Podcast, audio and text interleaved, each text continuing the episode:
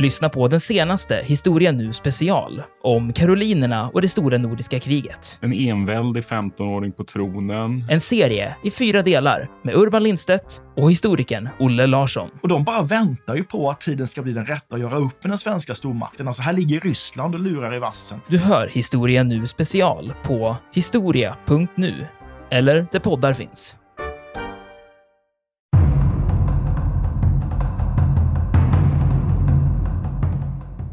Det finns ju lite andra aspekter om man tittar på den internationella arenan här. För Mujahedin är inte bara ett lokalt fenomen här nu, utan det som händer är att också Sovjetunionen tappar sin ställning i det som man då kallade för tredje världen i stor utsträckning. Och det sker framförallt i de här Mellanösternländerna så sker det en oerhörd ansamling då av folk som strömmar till Afghanistan och Pakistan framförallt för att kanaliserades upp i den här konflikten. Va? Det är mass massvis av frivilliga som kommer hit och de tränas upp i Pakistan understött av västmakter.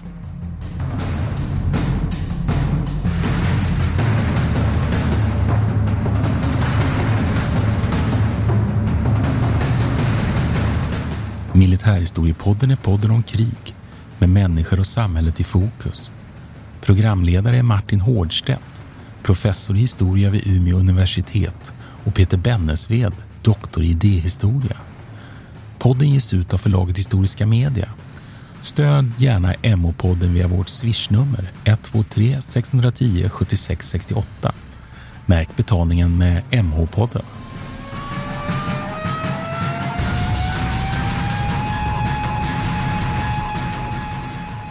Välkomna till Militärhistoriepodden. Jag heter Martin Hårdstedt.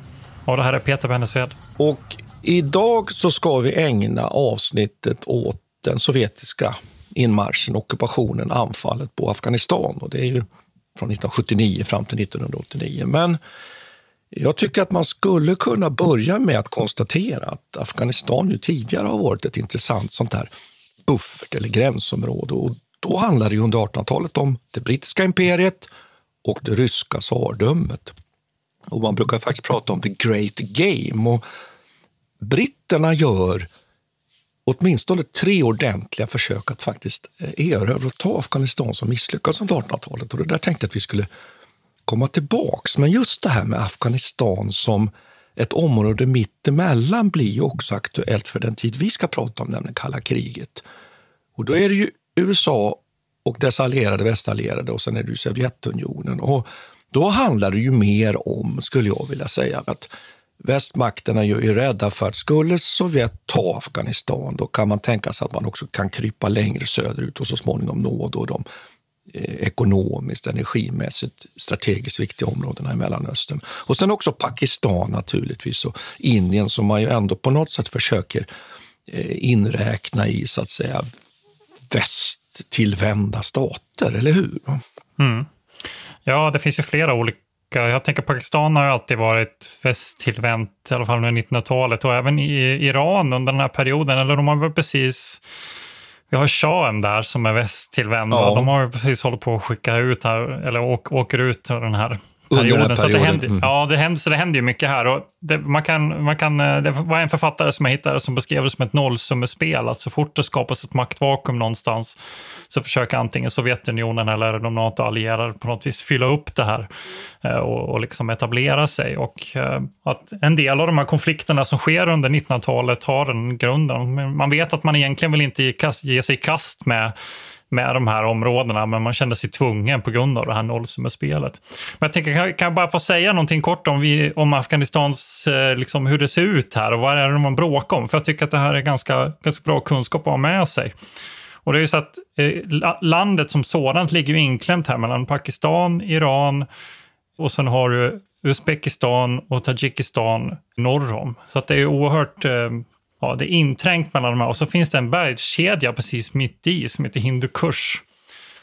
Och den egentligen odlingsbara delen av Afghanistan är ganska liten. den är bara ungefär 21 procent och det består ungefär av en halvmåne som sträcker sig runt den här Hindukush bergsmassivet. Och det är ju väldigt speciella förutsättningar. Och sen är det så att de här stora städerna, de urbana områdena som finns här, de är liksom koncentrerade till ett antal områden då som har kontakt med de andra länderna. Så Herat till exempel eh, och Saranji ligger lite västerut mot Iran. Sen har du Jalalabad och Kabul i nordost via Kyberpasset ner mot Pakistan. Och så Kandahar i sydöst som är ett väldigt omstritt område också eh, mot Pakistan. Och sen är det Mazar-e Sharif i norr mot Uzbekistan och, och de här andra länderna. Och sen då samtidigt som mitten egentligen är väldigt eh, är extremt bergigt och, och otillgängligt. Och sen är det eh, fullt av eh, olika typer av etniciteter också, med människor som är, kanske inte nödvändigtvis kommer så jättebra överens. Ungefär 40 procent är pashtuner som är muslimer då, som befinner sig mer i den södra och sydöstra delen vad jag förstår. Och sen är tajiker och uzbeker. Tajiker cirka 20 procent, så de är en ganska stor andel. De finns i den eh, mer nordliga delen där. Uzbeker cirka 6 procent och så finns det hazarer och sen ytterligare 25 procent av blandade folkslag egentligen. Och det här är ju det här är ju någonting som alla stormakter som har försökt sig på Afghanistan har brottats med. De inte riktigt kan komma överens. Och det har också gett en viss speciell karaktär att de här republikerna som bildades, eller första kungadömet är väl 1747 egentligen. De har väldigt svaga centralmakter. Och det är någonting som löper som ett långt spår här nu. Då. Så när vi kommer fram till 1973 då, som vår historia egentligen börjar, då, då är det en person som heter Mohammed Daoud. Han tillhör den gamla kungasläkten egentligen. Men han då störtar den sittande kungen, kung Sahir, och inför då en republik i Afghanistan. Och han börjar samarbeta med Afghanistans kommunistparti. Och det är under den här tiden som då både Sovjet och väst försöker liksom infiltrera Afghanistan på olika vis. Så det finns en, under den här perioden 1973 fram till 1978-79 där vår historia börjar egentligen. Det är som en period som präglas av sovjetisk infiltration egentligen. Framförallt av militära medel och, och skickar in pengar, ekonomiskt stöd, men väldigt mycket militära rådgivare och eh, militär materiel egentligen till, till den här Daoud då för att liksom underhålla och se till att säkra det här Afghanistan som republik så att inte den ska infiltreras av väst. Men det är som du säger då att den här central centralregimen då med säte i Kabul, den har oerhört svårt att hålla ihop det här landet. Och det, det ja. kan man väl liksom upprepa och poängtera att det här är ju liksom grundproblemet när det gäller Afghanistan. Ja, exakt, och så har det ju alltid varit i princip. Ända sen, och att det är bergsområden och det är dalgångar och en en, en, en motståndare som försöker ta Afghanistan hamnar ju lätt i de här dalgångarna. Och det finns alltså områden som är helt omöjliga i stort sett att, att inta. Exakt. Och jag mm. menar, jag kommer ihåg vi pratade om Tjetjenien för, några, för något halvår sedan. Där kunde vi konstatera att de här bergsfolken, de här etniciteterna som har det här bergsursprunget, är ju kända för att vara motsträviga och svåra att hantera. Och det gäller ju även Afghanistan.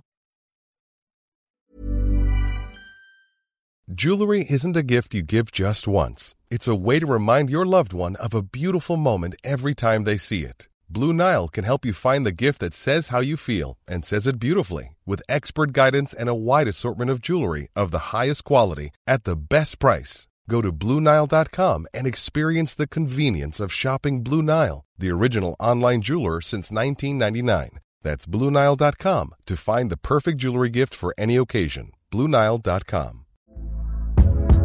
Hey there, it's Michelle Norris. I'm host of a podcast called Your Mama's Kitchen. When I travel, I'm usually looking for a way to find a taste of home when I'm not at home. And one of the things I love to do when I am at home is entertain. And Airbnb allows me to do that. When I was in California recently, I rented a house that had a great kitchen. And when we were sitting around the table, we're all thinking, we're in someone else's house. Someone could be in all of our homes as well. If you have a home, but you're not always at home, you have an Airbnb. Your home might be worth more than you think. Find out how much at airbnb.com/slash host. Hey, I'm Ryan Reynolds. At Mint Mobile, we like to do the opposite of what Big Wireless does. They charge you a lot, we charge you a little. So naturally, when they announced they'd be raising their prices due to inflation, we decided to deflate our prices due to not hating you. That's right. We're cutting the price of Mint Unlimited from $30 a month to just $15 a month. Give it a try at mintmobile.com slash switch. $45 upfront for three months plus taxes and fees. Promote for new customers for limited time. Unlimited more than 40 gigabytes per month. Slows. Full terms at mintmobile.com. Det är väl här som, som Sovjet då spelar in sig så att säga i det här sammanhanget. Därför att den här regimen i då Kabul, den flörtar väl lite åt olika håll, men mest åt Sovjethållet och söker ju stöd naturligtvis, militärt och ekonomiskt stöd. Och det här är ju en period under kalla kriget där vi ju har en, en, om man nu säger god relation, om man uttrycker sig så.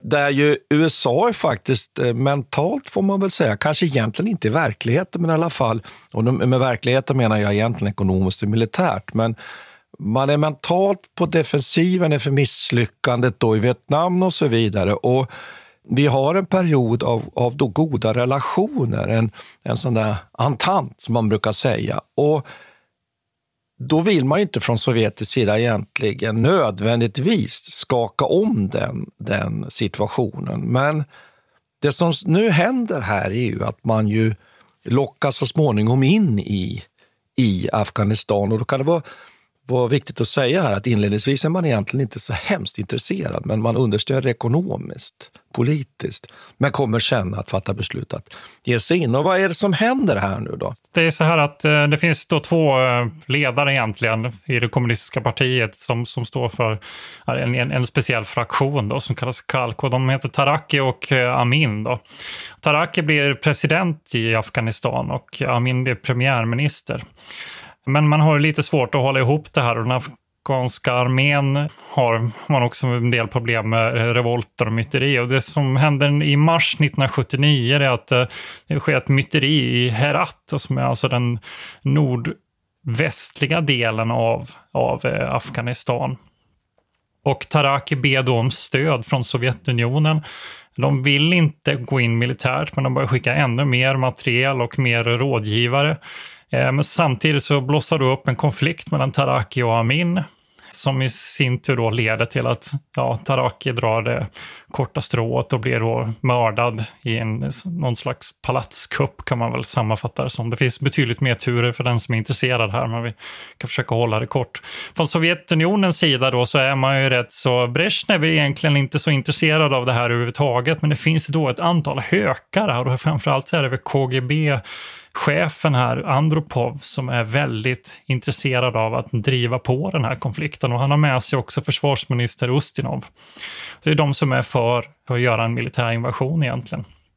Ja, det har diskuterats en hel del om hur rapport vägarna egentligen ser ut upp till Andropov, men antagligen så har han väl egentligen förnekat då, eller inte tagit emot några rapporter hur illa ställt det är i Afghanistan. Och det man då tänker sig att man ska göra i början av den här, när man väl fattar beslutet här den 12 december 1979 om att faktiskt gå in i Afghanistan, så tänker man sig att man framförallt ska ta över en del uppgifter som den afghanska armén har, det vill säga bara hålla baser och se till så att den afghanska armén i sig kan göra andra arbeten, så att säga. Och, och, och då är det ju den här Amin som ju är i ledningen i Afghanistan. Ja, Visst är det precis. på det sättet. Och han är ju, eh, som ju jag uppfattar att Sovjet tycker nog att han är egentligen lite för, han är egentligen lite för radikal. Så egentligen skulle man vilja byta ut honom egentligen, därför man är lite osäker på honom. Och visst är det ju så att man också misstänker att han har någon form av liksom, koppling till till CIA jo, den här, till och med faktiskt. Exakt. Ja. Andropov är helt, helt övertygad om att Amin egentligen är CIA-agent. Han är utbildad i USA en gång i tiden, så han har ju en del arv därifrån. Och alltså både Taraki och Amin de välkomnar ju sovjetiska styrkor, då, framförallt Amin då, när det väl är dags. Men eh, ganska snart så kommer det ju leda till att han själv blev, blir eh, dödad av, av en sovjetisk specialstyrka i det presidentpalatset. Så att hans hans eh, regering håller inte så där särskilt länge. Nej, alltså Sovjet gör ju så här att de, de börjar ju att göra en uppbyggnad med specialförband. Så det är så det går till. Och då har man dessutom då har man knutit till sig då den här barack som man har tänkt att sätta in. Därför man vill göra sig av med den här armén helt enkelt. Och ganska snabbt då så, så har man en flygplats där man då dels för in GRU-förband, man har barack och sen har man då delar av ett fallskärmsjägarregemente, det 111 då.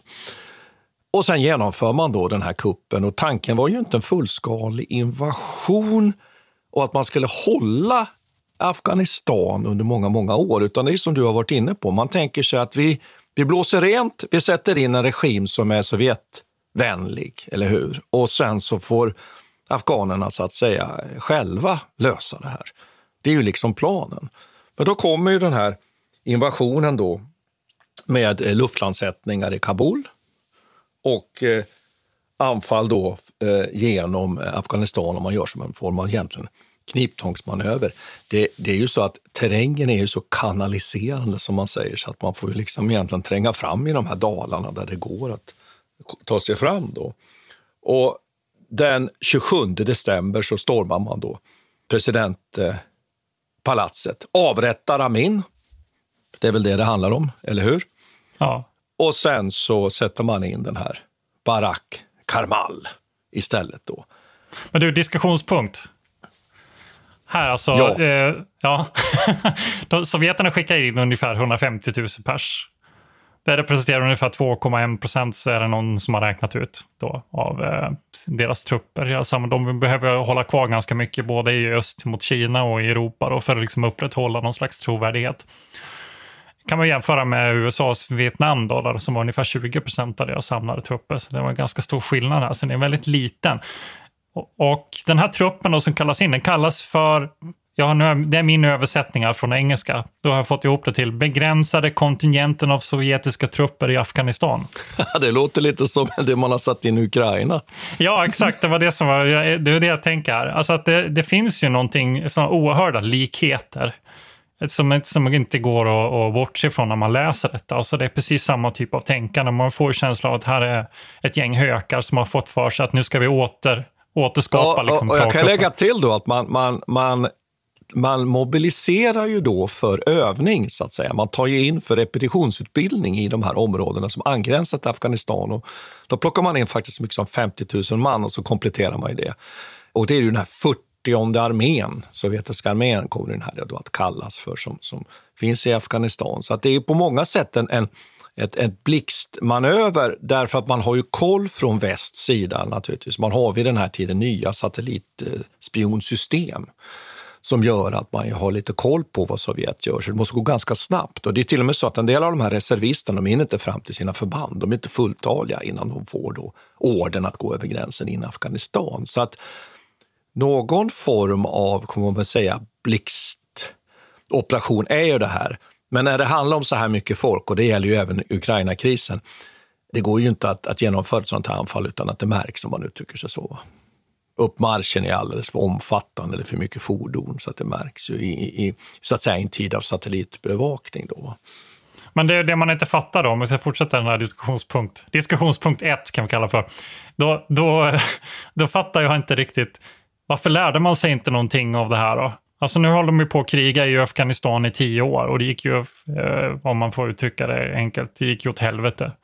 Och det kommer vi ju komma fram till. Men, men jag menar, varför har man fortsatt med samma taktik? Det är det som är obegripligt. Ja, det är ju svårt då. Det tycker jag är väldigt svårt. Det har ju att göra med ledningsstrukturer. Vad lär man sig? Och vi vet ju, vi som håller på med militärhistoria, att det är otroligt svårt att dra rätt slutsatser från olika krig. Men vi har ju här en serie konflikter, Sovjetkonflikter, som vi nu har börjat beta av. Vi har ju pratat om Ukraina, vi har pratat om Tjetjenien, vi har pratat om, om nu Afghanistan. Och de både liknar ju varandra, i- de liknar ju varandra i flera avseenden, men det finns också skillnader, kan man väl säga också. Om man nu skulle ta diskutera lite varför det går så illa, och det man hade tänkt var ju att man skulle liksom som vi har sagt här nu då, rensa upp och lämna över till afghanska armén. Men den är ju så oerhört svag och afghanerna de deserterar ju en masse och det beror ju lite på att de är ju etniskt naturligt och kulturellt så förstår inte de varför de ska slåss på Sovjets sida utan de, de kanske till och med har låtit sig rekryteras därför att de behöver mat, anställning, pengar, ett liv så att säga. Utan de deserterar ju här, utan det blir ju så att det blir Sovjetarmén som får upprätthålla den här krigföringen. Och du har ju varit inne på kanske den främsta orsaken till att det är oerhört svårt och det är ju geografin naturligtvis. Mm. Jag, jag fick fram någon siffra här att, ungefär, att sovjeterna räknade med att det skulle finnas 80 till 90 000 afghanska soldater när man eh, går in. Men, eh, men tidigt 1980, det vill säga bara några, några månader eller någon månad efter, så finns det ungefär 20 000 afghanska soldater kvar. Mm. Så, har- så des, de deserteringen är hem, ju de har enorm. stuckit hem, så att säga. Ja, precis. Och, och det är till och med så att det är liksom de här resningarna då, som, och det är det som man måste hantera här nu, resningar i olika delar som du har beskrivit av olika grupperingar i Afghanistan. Och vi kan väl återkomma till det lite här, vi ska prata om den här så att säga, samlade Mujahedin-rörelsen sen så småningom, men det är det här man måste hantera. Och de här sovjetiska befälhavarna då, de beskriver ju sen i efterhand hur hela det här kriget, det var som någon form av liksom brandkårsutryckningar hela tiden. Och då skulle man ta sig till de här äh, plötsliga då uppblossade oroshärdarna på ett vägsystem som ju var helt obefintligt. Och det gjorde ju att man liksom alltid kom fram för sent också. Om vi nu tänker sig att en postering hade blivit anfallen någonstans så var det oerhört svårt att ta sig fram. Och det här, var liksom, det här är liksom grundläggande förutsättningen för operationerna inne i, i Afghanistan. Och ungefär räknar man ju med att 80 procent av landet har man ingen kontroll över. Så det gör ju att de här grupperingarna nu som börjar utveckla sin gerillaverksamhet, de, de har ganska gott om tid om man uttrycker sig så, eller de kan så att säga, de kan avvakta.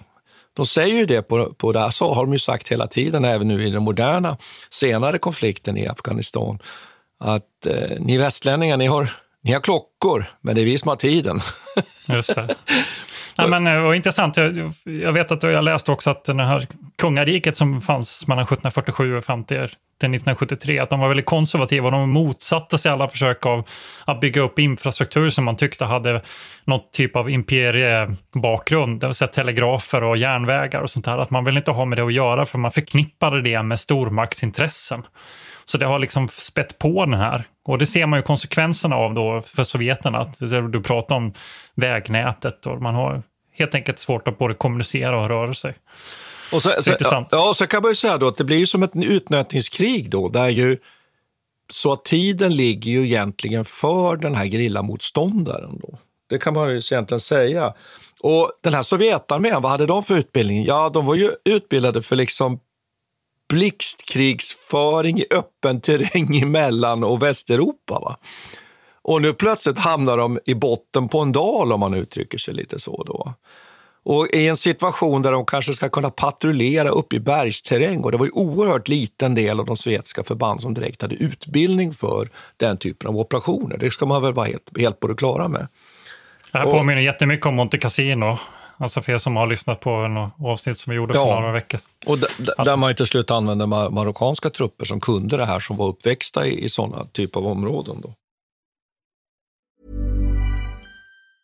If you thought the only way to get a more defined jawline with natural looking results was through surgery, think again. Juvederm Volux XC is a non surgical injectable gel filler that improves moderate to severe loss of jawline definition and can help you achieve natural looking results with little downtime. Even better, this improved definition lasts up to one year with optimal treatment. No maintenance required. Improve jawline definition for a smooth, sculpted look with Juvederm Volux XC. For important safety information and to find a licensed specialist, visit juvederm.com. That's J U V E D E R M.com. Not for people with severe allergic reactions, allergies to lidocaine, or the proteins used in Juvederm. Common side effects include injection site redness, swelling, pain, tenderness, firmness, lumps, bumps, bruising, discoloration, or itching. There's a risk of unintentional injection into a blood vessel, which can cause vision abnormalities, blindness, stroke, temporary scabs, or scarring. Talk to a licensed specialist to find out if it's right for you.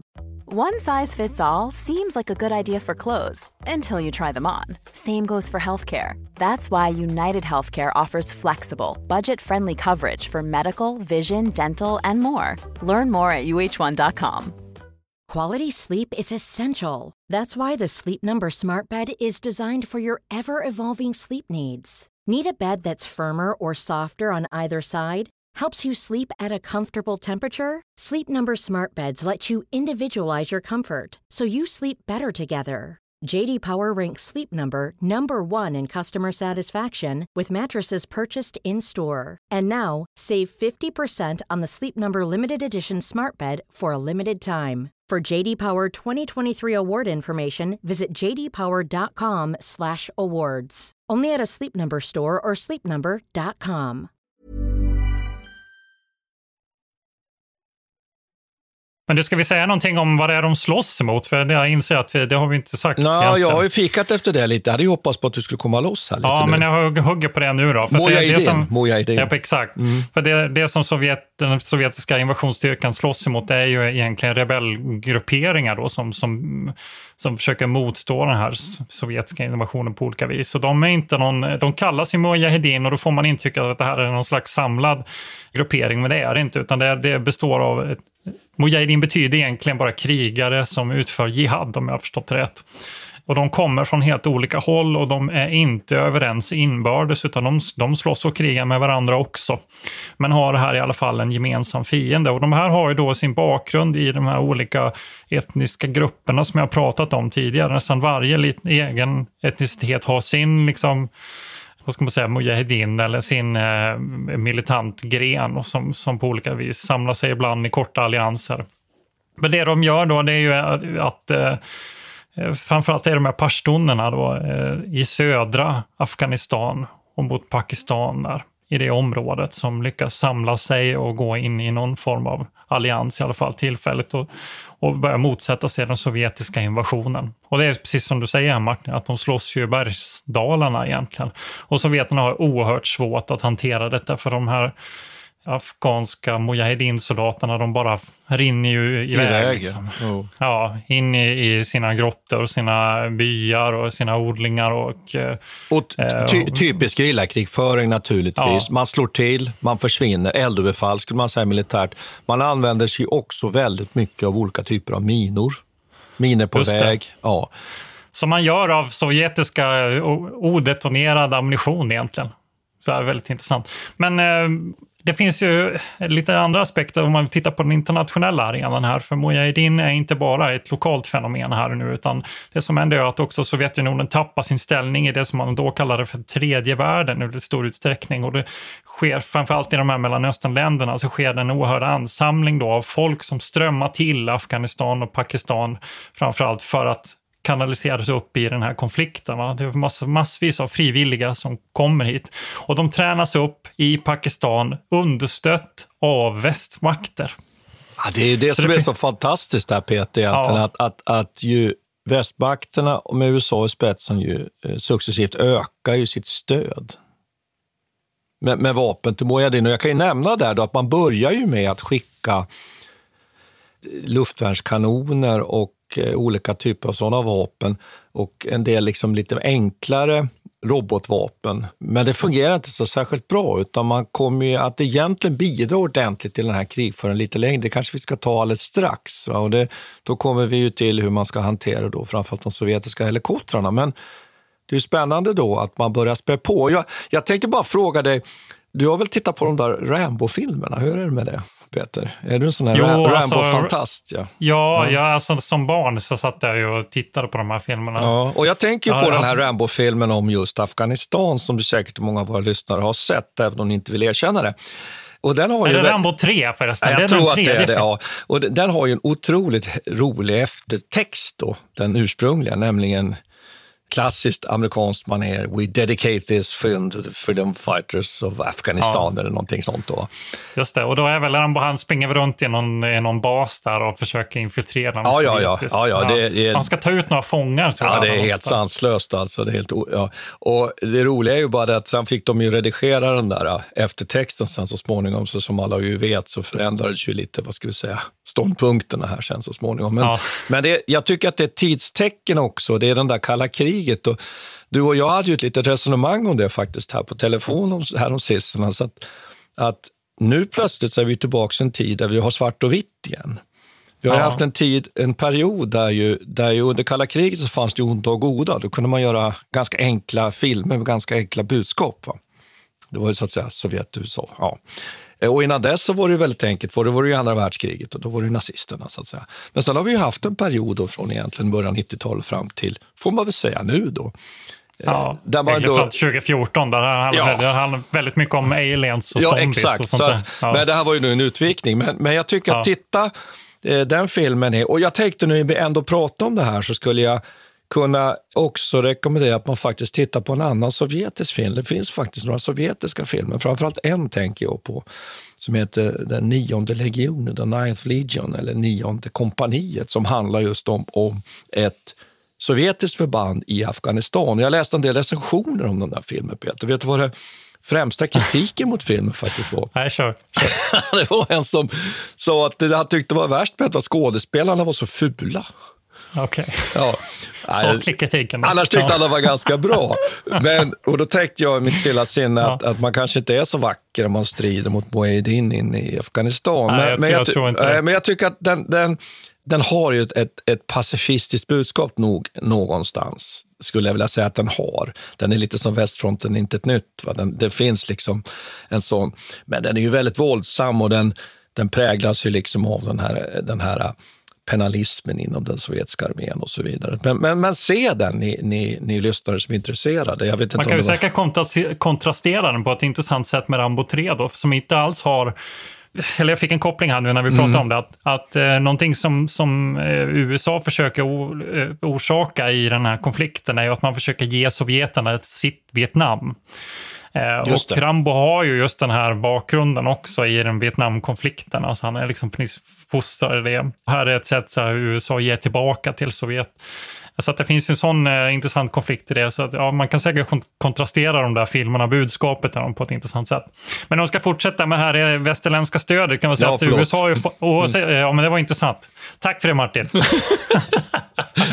nu går vi vidare. Ja. Eh, men eh, man kan väl säga så här att USA har ju få, till stor del fått eh, ta smällen för det här stödet eller man har fått kritik för att man har understött Mujahedin Om man säger då att man har på något vis skapat den här konflikten eller tryckte på den ännu mer. Men det är ju faktiskt så att Storbritannien också är med i det här. Frankrike är med, Egypten är med, Saudiarabien ger jättemycket pengar och stöd. Pakistan också förstås som granne här och även Kina skickar ju in väldigt mycket militärt ja, material. Får jag lägga till det att Afghanistan, ja, det är så viktigt att komma ihåg att Afghanistan är så oerhört betydelsefullt för, det är ju där man kan vila upp sig, Mujahedin kan vila upp, det är ju där man 1985 också enas eh, till att bli en mer samlad rörelse och så vidare. Och det tycker jag är viktigt att komma ihåg här, att Pakistan är betydelsefullt för motståndet mot Sovjet. Ja, det är precis. Och det är ett av orsakerna till att både kanske Sovjetunionen och så småningom NATO och USA inte riktigt har klarat av att hantera det här för att konflikten går hela tiden utanför den afghanska gränsen. Och det är ju det som är, det ställer ju till det väldigt mycket här. Va? Men de här olika Ja, de här olika länderna då som är med, och de stödjer ju också olika grupperingar i den här Mujahedin-rörelsen, vilket komplicerar det ytterligare. Att Frankrike har sina favoriter, Storbritannien har sina favoriter. Pakistanerna, de ser mellan ögonen, eller mellan fingrarna rättare sagt, eh, för de här islamistiska grupperingarna som finns. Alla är ju inte av talibanslag som vi känner till, utan en del är ju mer moderata, sekulära och sådär. Framförallt i den nordliga delen är man ju betydligt mindre religiöst extrem än vad man är i Pashtunområdet som är betydligt mer konservativt. Så att, ja, så att det, det här ställer ju till det sen i framtiden egentligen, att man inte riktigt kan komma överens. Så försöker man ha en del fredssamtal, men ett problem är ju att de här Mujahedin-rörelserna egentligen aldrig är med. Va? Att man har, då stormakterna försöker ha fredssamtal mellan Sovjetunionen, USA, Saudiarabien och Kina är med och så här, de försöker eh, debattera om hur de ska lösa den här konflikten. Men de som faktiskt strider på marken mot sovjeterna är aldrig riktigt med i, den här, i det här eh, samtalet. Och det, och det kommer skapa väldigt stora problem framöver. Mm. Men, men, får man komma in det här lite nu och, ja, och, och, och, säga någonting om varför den sovjetiska armén nu, vi har varit inne på grund, grunden, geografin och svårigheten att operera då mot de här grillakrigföringen. Men det finns en del andra saker som jag tycker är intressanta.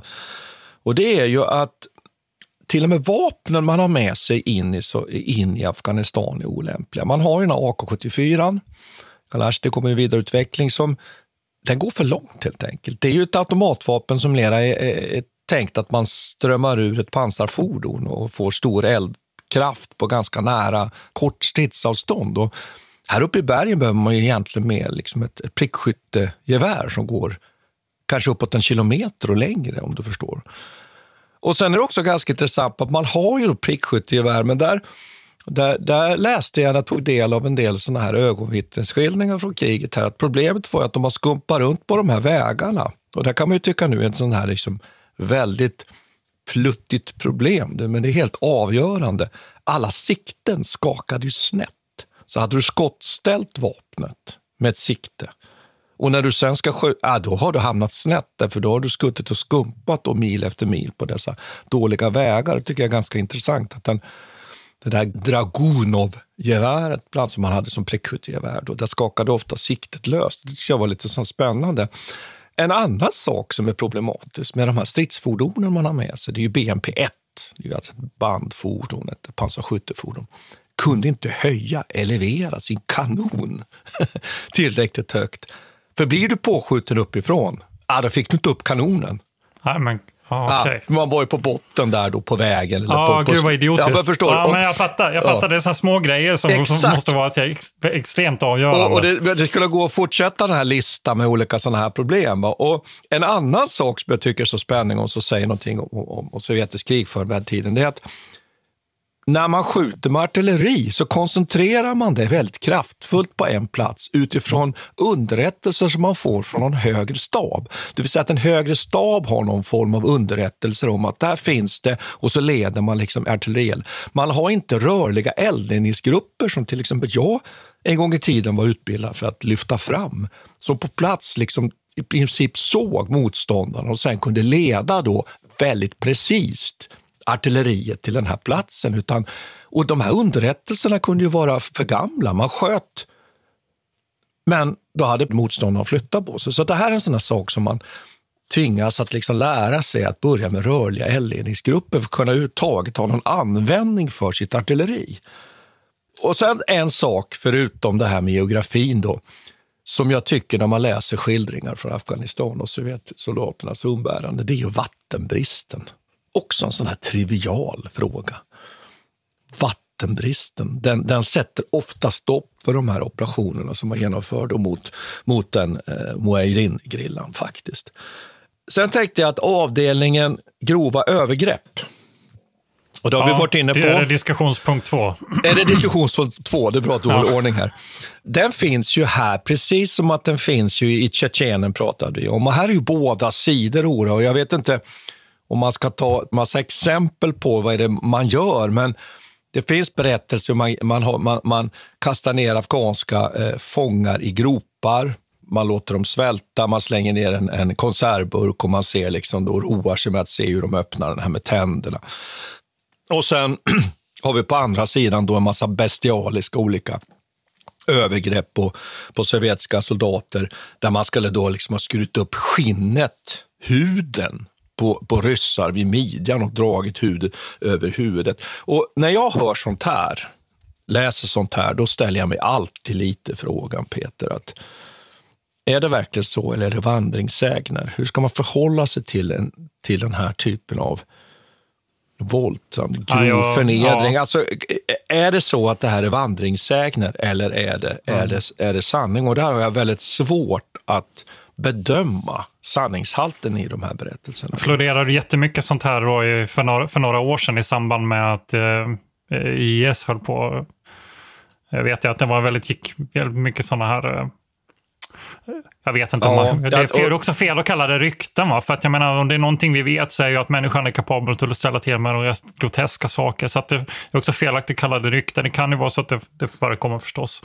Mm. Men, eh, men vad, vad, ska man säga? Det är precis som det alltid har varit. Men en av orsakerna till det här är väl i den här konflikten, liksom, till att det, eskaleras på det här viset. Det har ju att göra med det här som vi pratar med Mujahedin och den här otillräckligheten, den här svårigheten att, att faktiskt komma åt dem. Och det som den sovjetiska armén då gör, det är att man helt enkelt krasst konstaterar att okej, okay, kommer vi inte åt Mujahedin, ja då får vi komma åt dem som understödjer dem helt enkelt. Så man, man rätt medvetet så här, förstör odlingar och dödar civila och, och slår ut hela byar. Och, för att på det viset så svälta ut Mujahedin. Och det hör man ju redan det hör man ju redan när man säger det här, att det är ju dömt att misslyckas på lång sikt.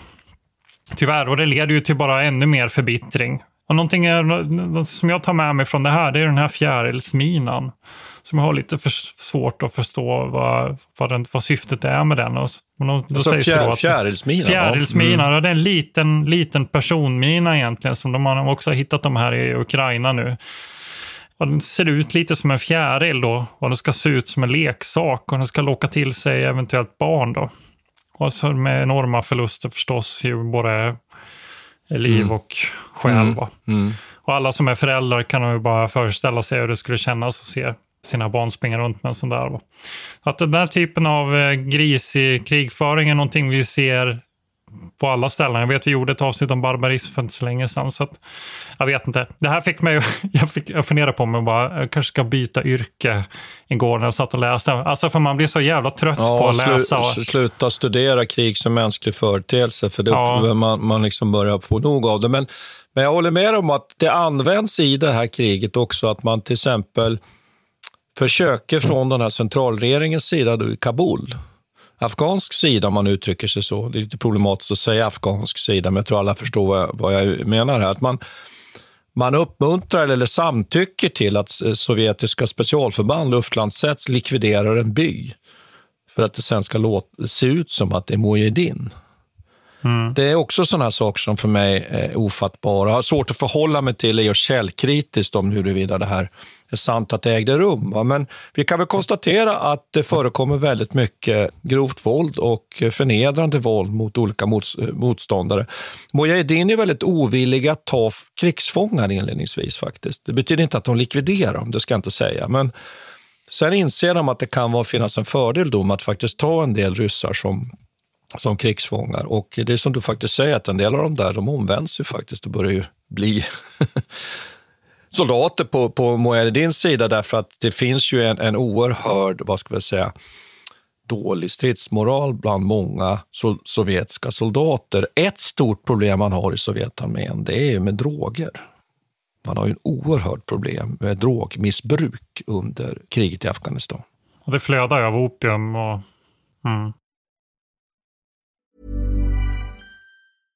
Imagine the softest sheets you've ever felt. Now imagine them getting even softer over time. That's what you'll feel with Bowl and Branch's organic cotton sheets. In a recent customer survey, 96% replied that Bowl and Branch sheets get softer with every wash. Start getting your best night's sleep in these sheets that get softer and softer for years to come. Try their sheets with a 30-night guarantee. Plus, get 15% off your first order at bowlandbranch.com. Code BUTTERY. Exclusions apply. See site for details. Mom deserves the best, and there's no better place to shop for Mother's Day than Whole Foods Market. They're your destination for unbeatable savings, from premium gifts to show-stopping flowers and irresistible desserts. Start by saving 33% with Prime on all body care and candles. Then get a 15-stem bunch of tulips for just $9.99 each with Prime. Round out Mom's menu with festive rosé, irresistible berry chantilly cake, and more special treats. Come celebrate Mother's Day at Whole Foods Market. Even when we're on a budget, we still deserve nice things. Quince is a place to scoop up stunning high-end goods for 50 to 80% less than similar brands. They have buttery soft cashmere sweaters starting at $50, luxurious Italian leather bags, and so much more. Plus, Quince only works with factories that use safe, ethical, and responsible manufacturing. Get the high-end goods you'll love without the high price tag with Quince. Go to quince.com slash style for free shipping and 365-day returns. Men du, kan vi, i samband med det här, när vi ändå pratar om eh, vidrigheterna, har inte det här lite att göra med också att det här är ett krig som får lite medial uppmärksamhet i Sovjetunionen på ett nytt sätt också? Ja. Som de, Det är ju så att det är ju glasnost här sen så småningom. Vi har ju varit fram, när, när det här kriget har pågått ett antal år, så 85 så får, får ju Sovjetunionen en ny ledare. Och parallellt med Afga- kriget i Afghanistan så går ju kalla kriget vidare och Sovjet går ju faktiskt lite ner för räkning. Man har mycket stora ekonomiska problem och man börjar genomföra reformer. Inte för att lägga ner Sovjetstaten, utan Gorbatjovs tanke är ju ursprungligen för att han ska stärka Sovjet och det sovjetiska imperiet. Och ett led i det där nu att man ska ha öppenhet. Och i samband med begravningar faktiskt i, av Sovjetsoldater så är det faktiskt så att det är de första riktigt öppna protesterna mot Sovjetsystemet äger rum. Att man helt enkelt också uttrycker sin ovilja mot Sovjetsystemet. Och en sån till exempel som Andrei Sacharov, det är en intressant person. Han är ju en sån här dissident som ju inte minst motsätter sig kriget i Afghanistan. Det tycker jag är, är spännande.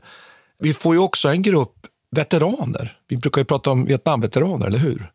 Men här har vi de här äh, Afghanzi, Afghanzi som sprider kunskapen om vad som egentligen hände inne i Afghanistan. Och allt det här är ju ett, ett led i det som sen blir Sovjetstatens fall och där det finns många som menar att kriget i Afghanistan är en mycket, mycket viktig orsak till detta. Det är dyrt och det påbörjas då inom Sovjet en sån här inre kritik.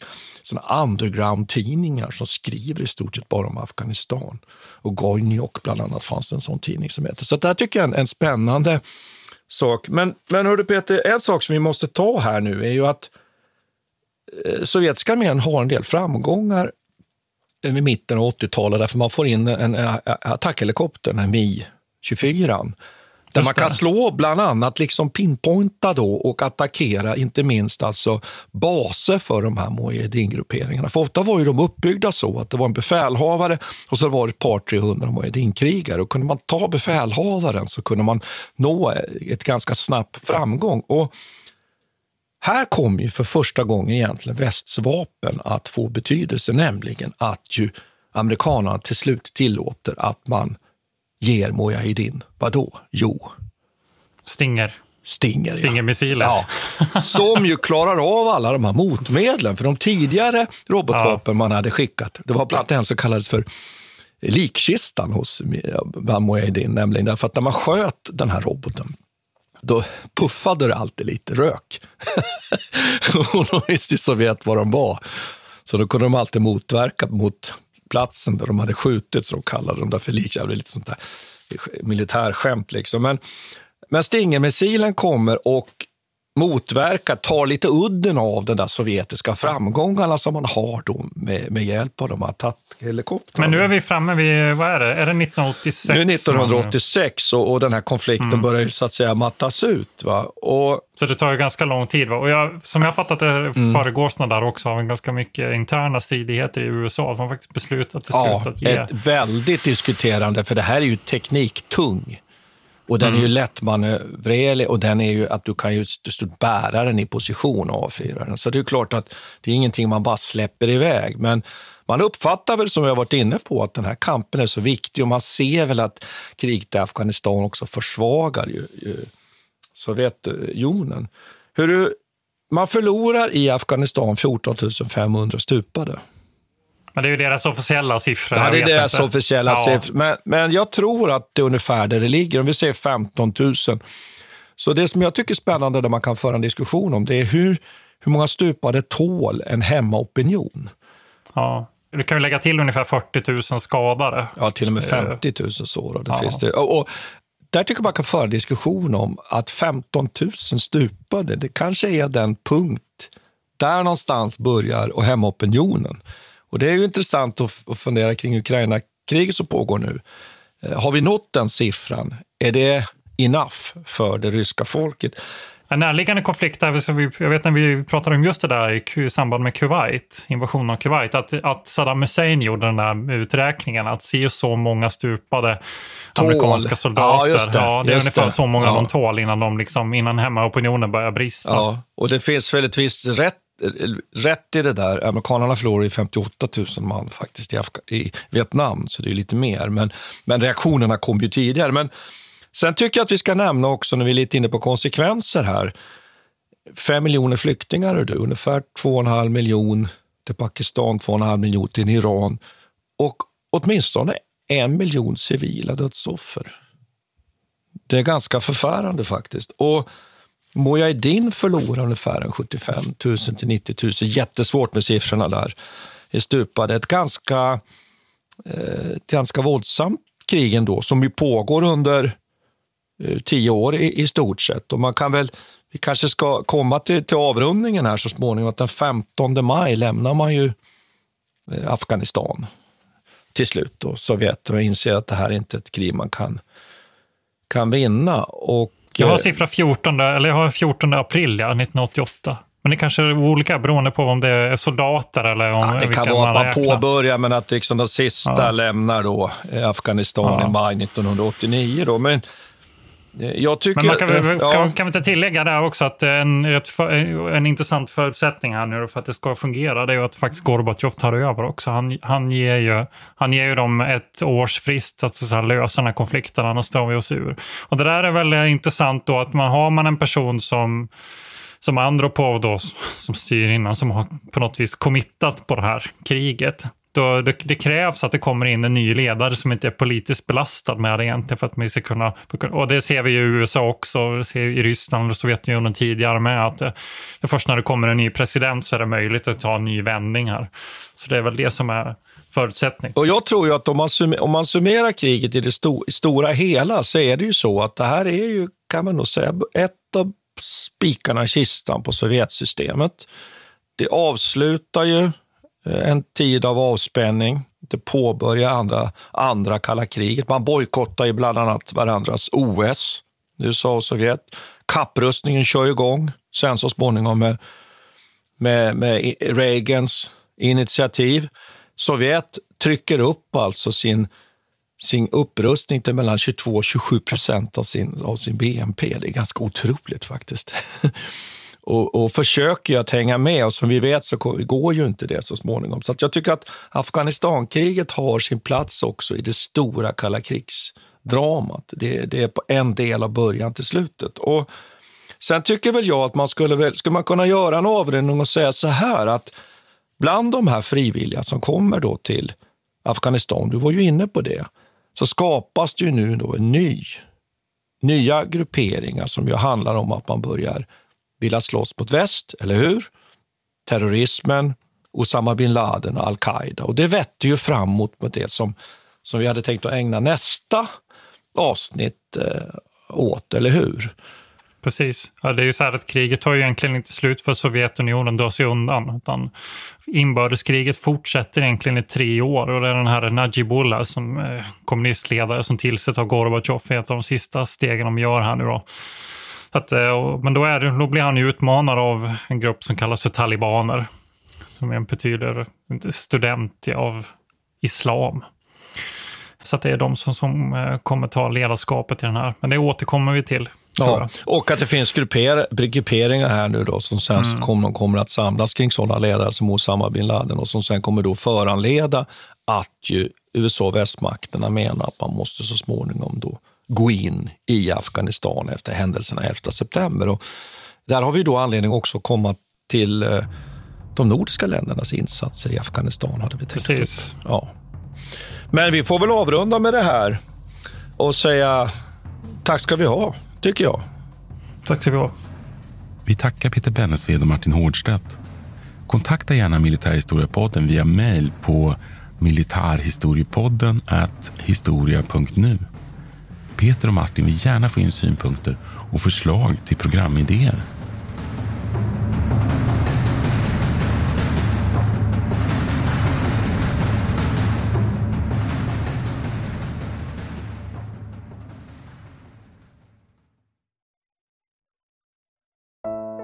Iran har under 1900-talet genomgått tre omvälvande revolutioner som orienterat landet antingen mot västerlandets modell eller mot en auktoritär styrelseform.